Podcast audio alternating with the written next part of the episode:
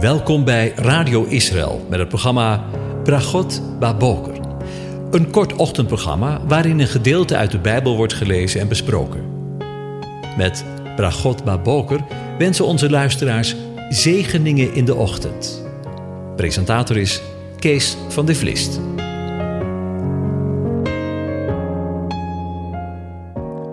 Hartelijk welkom, beste luisteraars. Vanmorgen maken we een begin met Psalm 22. Ik lees het aan je voor. Gebed in aanvechting, hebben de vertalers erboven gezet. Een psalm van David voor de koorleider, op de wijze van de hinde van de dageraad. Mijn God, mijn God, waarom hebt u mij verlaten? Bent u ver van mijn verlossing, van de woorden van mijn jammerklacht? Mijn God, ik roep u overdag, maar u antwoordt niet en s'nachts. Maar ik vind geen stilte. Maar u bent heilig. U troont op de lofzangen van Israël. Op u hebben onze vaderen vertrouwd. Ze hebben vertrouwd. En u hebt hen bevrijd. Tot u hebben zij geroepen en zij zijn gered. Op u hebben zij vertrouwd en ze zijn niet beschaamd. Maar ik, ik ben een worm en geen man. Een smaad van mensen en veracht door het volk. Alle die mij zien, bespotten mij.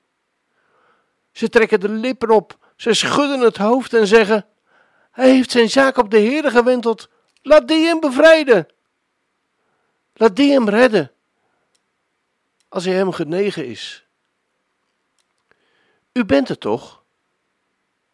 Die mij uit de buik hebt getrokken. Die mij vertrouwen gaf. Toen ik aan mijn moeders bos lag. Op u ben ik geworpen, van de baarmoeder af. Vanaf de moederschoot bent u mijn God. Blijf dan niet ver van mij, want de nood is nabij en er is geen helper. Vele stieren hebben mij omringd, sterke stieren van Bazan hebben mij omsingeld. Ze hebben hun muil tegen mij opengespet als een verscheurende en brullende leeuw. Als water ben ik uitgestort, ontwricht zijn al mijn beenderen. Mijn hart is als was, het is gesmolten, diep in mijn binnenste. Mijn kracht is verdroogd als een potscherf. Mijn tong kleeft aan mijn gehemelte. U legt mij in het stof van de dood. Want honden hebben mij omsingeld en horden kwaaddoeners heeft mij omgeven. Ze hebben mijn handen en mijn voeten doorboord. Al mijn beenderen zou ik kunnen tellen. En zij, ze zien het aan. Ze kijken naar mij. Ze verdelen mijn kleding onder elkaar en werpen het lot om mijn gewaad. Maar, u, heren, blijft niet ver weg. Mijn sterkte, kom mij spoedig te hulp. Red mijn ziel van het zwaard.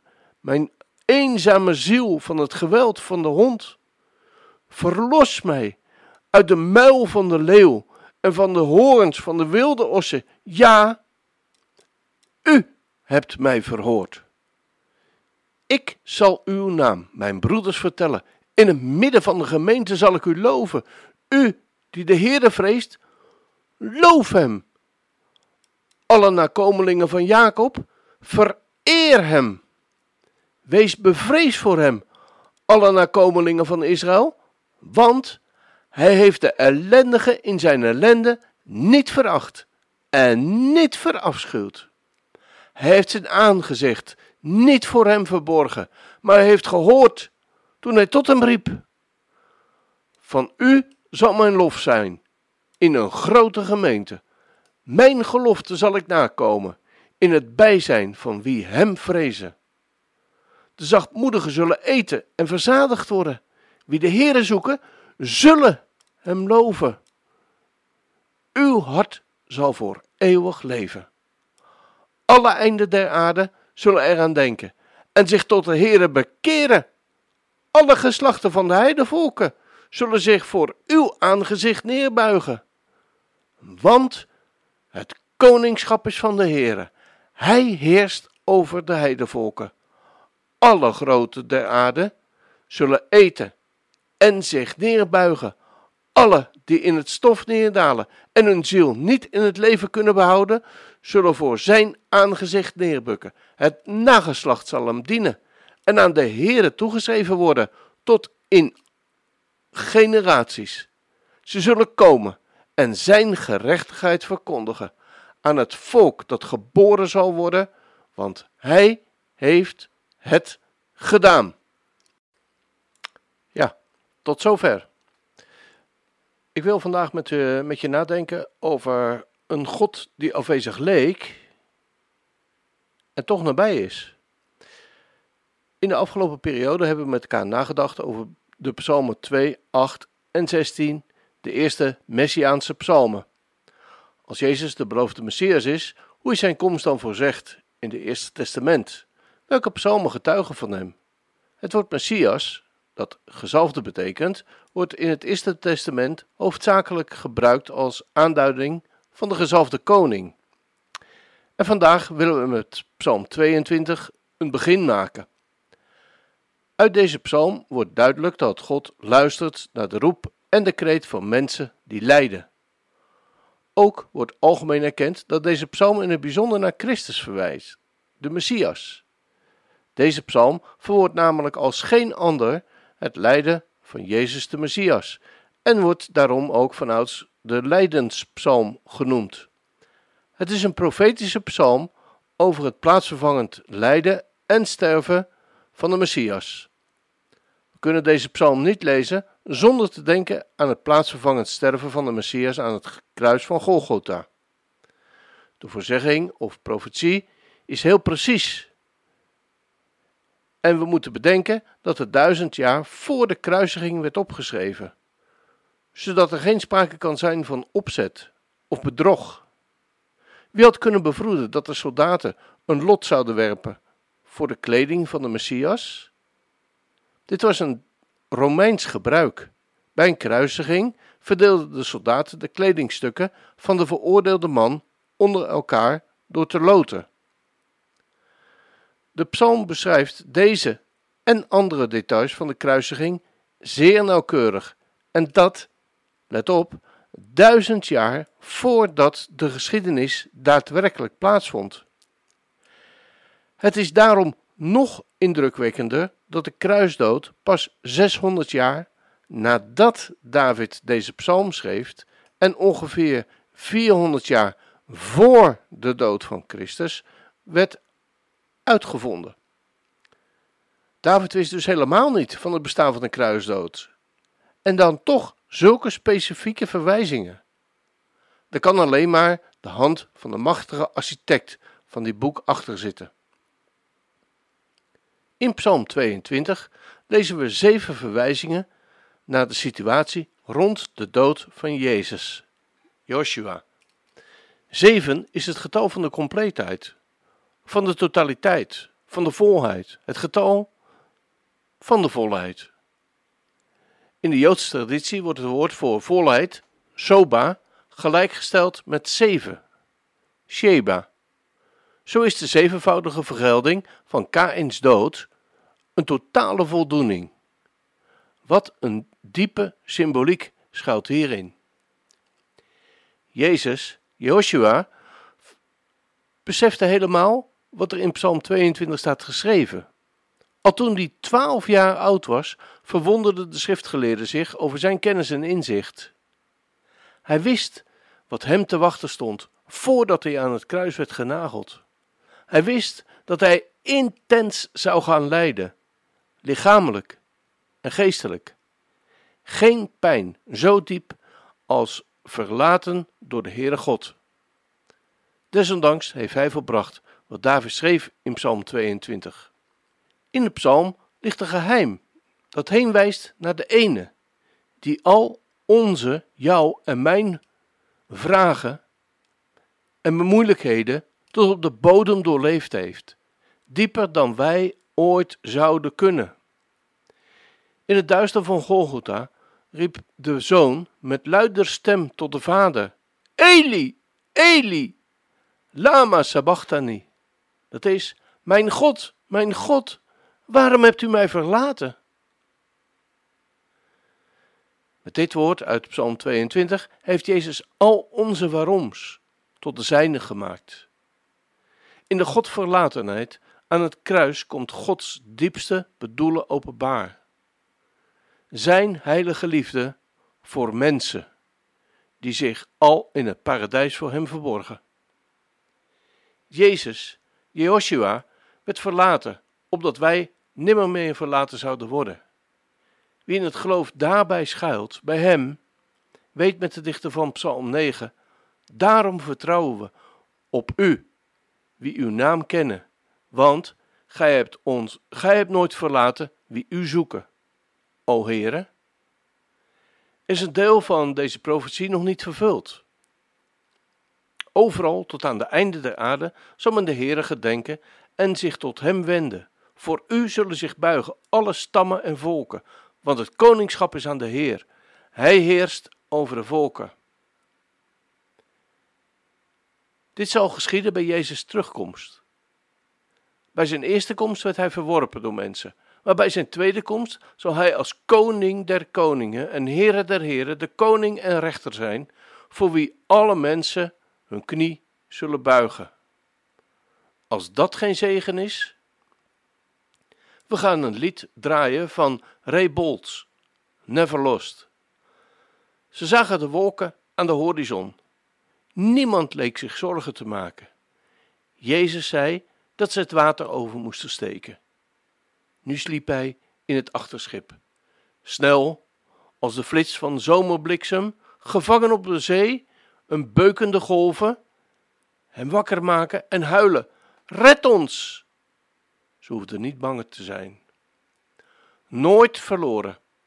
Hij weet waar je heen gaat. Nooit verloren. Ook al waait het. En er kunnen wat, som, wat stormachtige zeeën zijn. Hij zegt dat je over moet steken. Maar met Jezus aan je zij, je bent nooit verdwaald. Vroeger stonden we op om de ochtend tegemoet te treden, alsof het gewoon een andere dag was. Maar nu weten we dat zonder waarschuwing, hoe snel kan alles veranderen? Het is alsof we in een deuropening staan.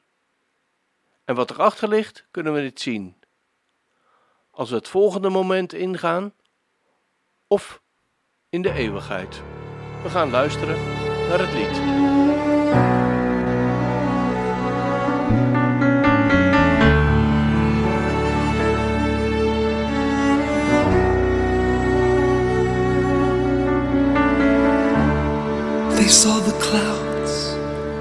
The horizon. Nobody seemed to be concerned. Jesus said they must cross the water. Now he was sleeping in the stern.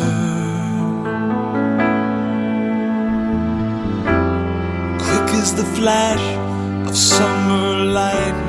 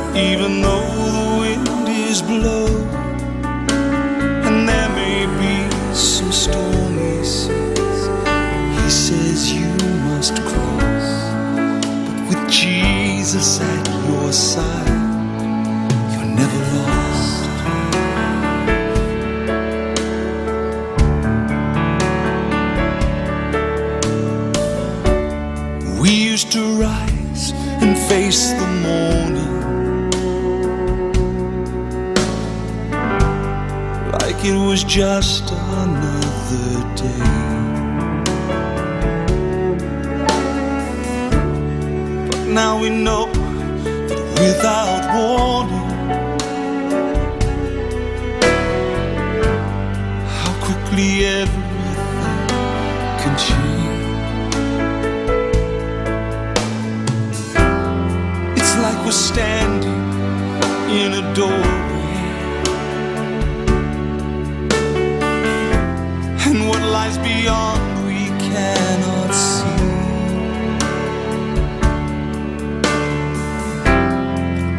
step in.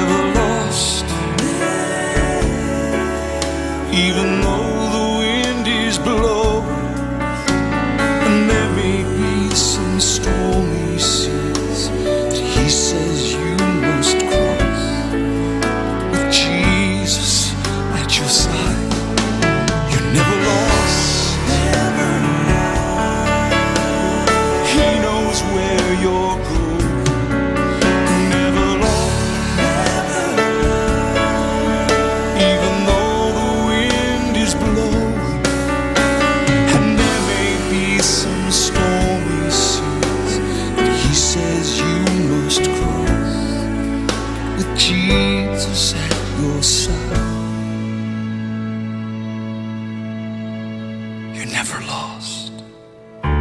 Never lost.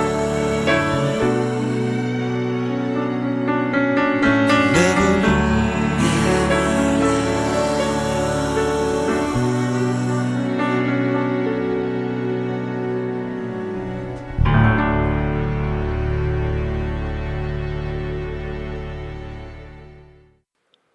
Dan zijn we hiermee weer aan het einde van dit programma gekomen. Ik wens je een van God gezegende dag toe. En zo de Heer vertoeft te komen. Tot de volgende keer.